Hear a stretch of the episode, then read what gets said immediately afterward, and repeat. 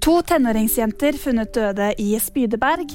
Russland hevder å ha drept 600 ukrainske soldater. Og det er svært vanskelige kjøreforhold flere steder.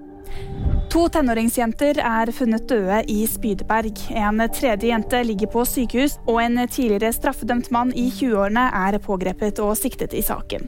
Politiet ble oppringt natt til søndag fra en privat adresse. Etter kort tid ble de to tenåringsjentene erklært døde. Det var snakk om mulig overdose av narkotika, opplyser politiet. Mannen er siktet etter straffelovens paragraf 288, som går ut på å hensette noen i hjelpeløs tilstand. Å hensette i denne sammenheng kan bety at siktede kan ha sørget for at jentene ble hjelpeløse gjennom f.eks. rus. Den siktede mannen erkjenner ikke straffskyld, opplyser hans advokat.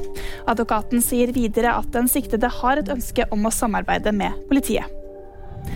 Russland hevder å ha drept 600 ukrainske soldater. Det skriver nyhetsbyrået Reuters.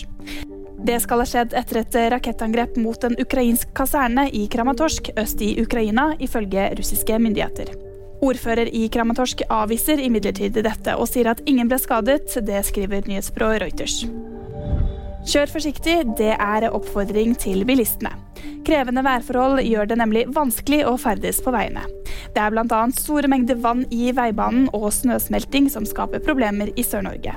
Nord i landet er det flere steder utstedt gult farevarsel på kraftige vindkast, skriver NTB. Det var VG-nyhetene. Du fikk dem av meg, Jiri Friis Edland.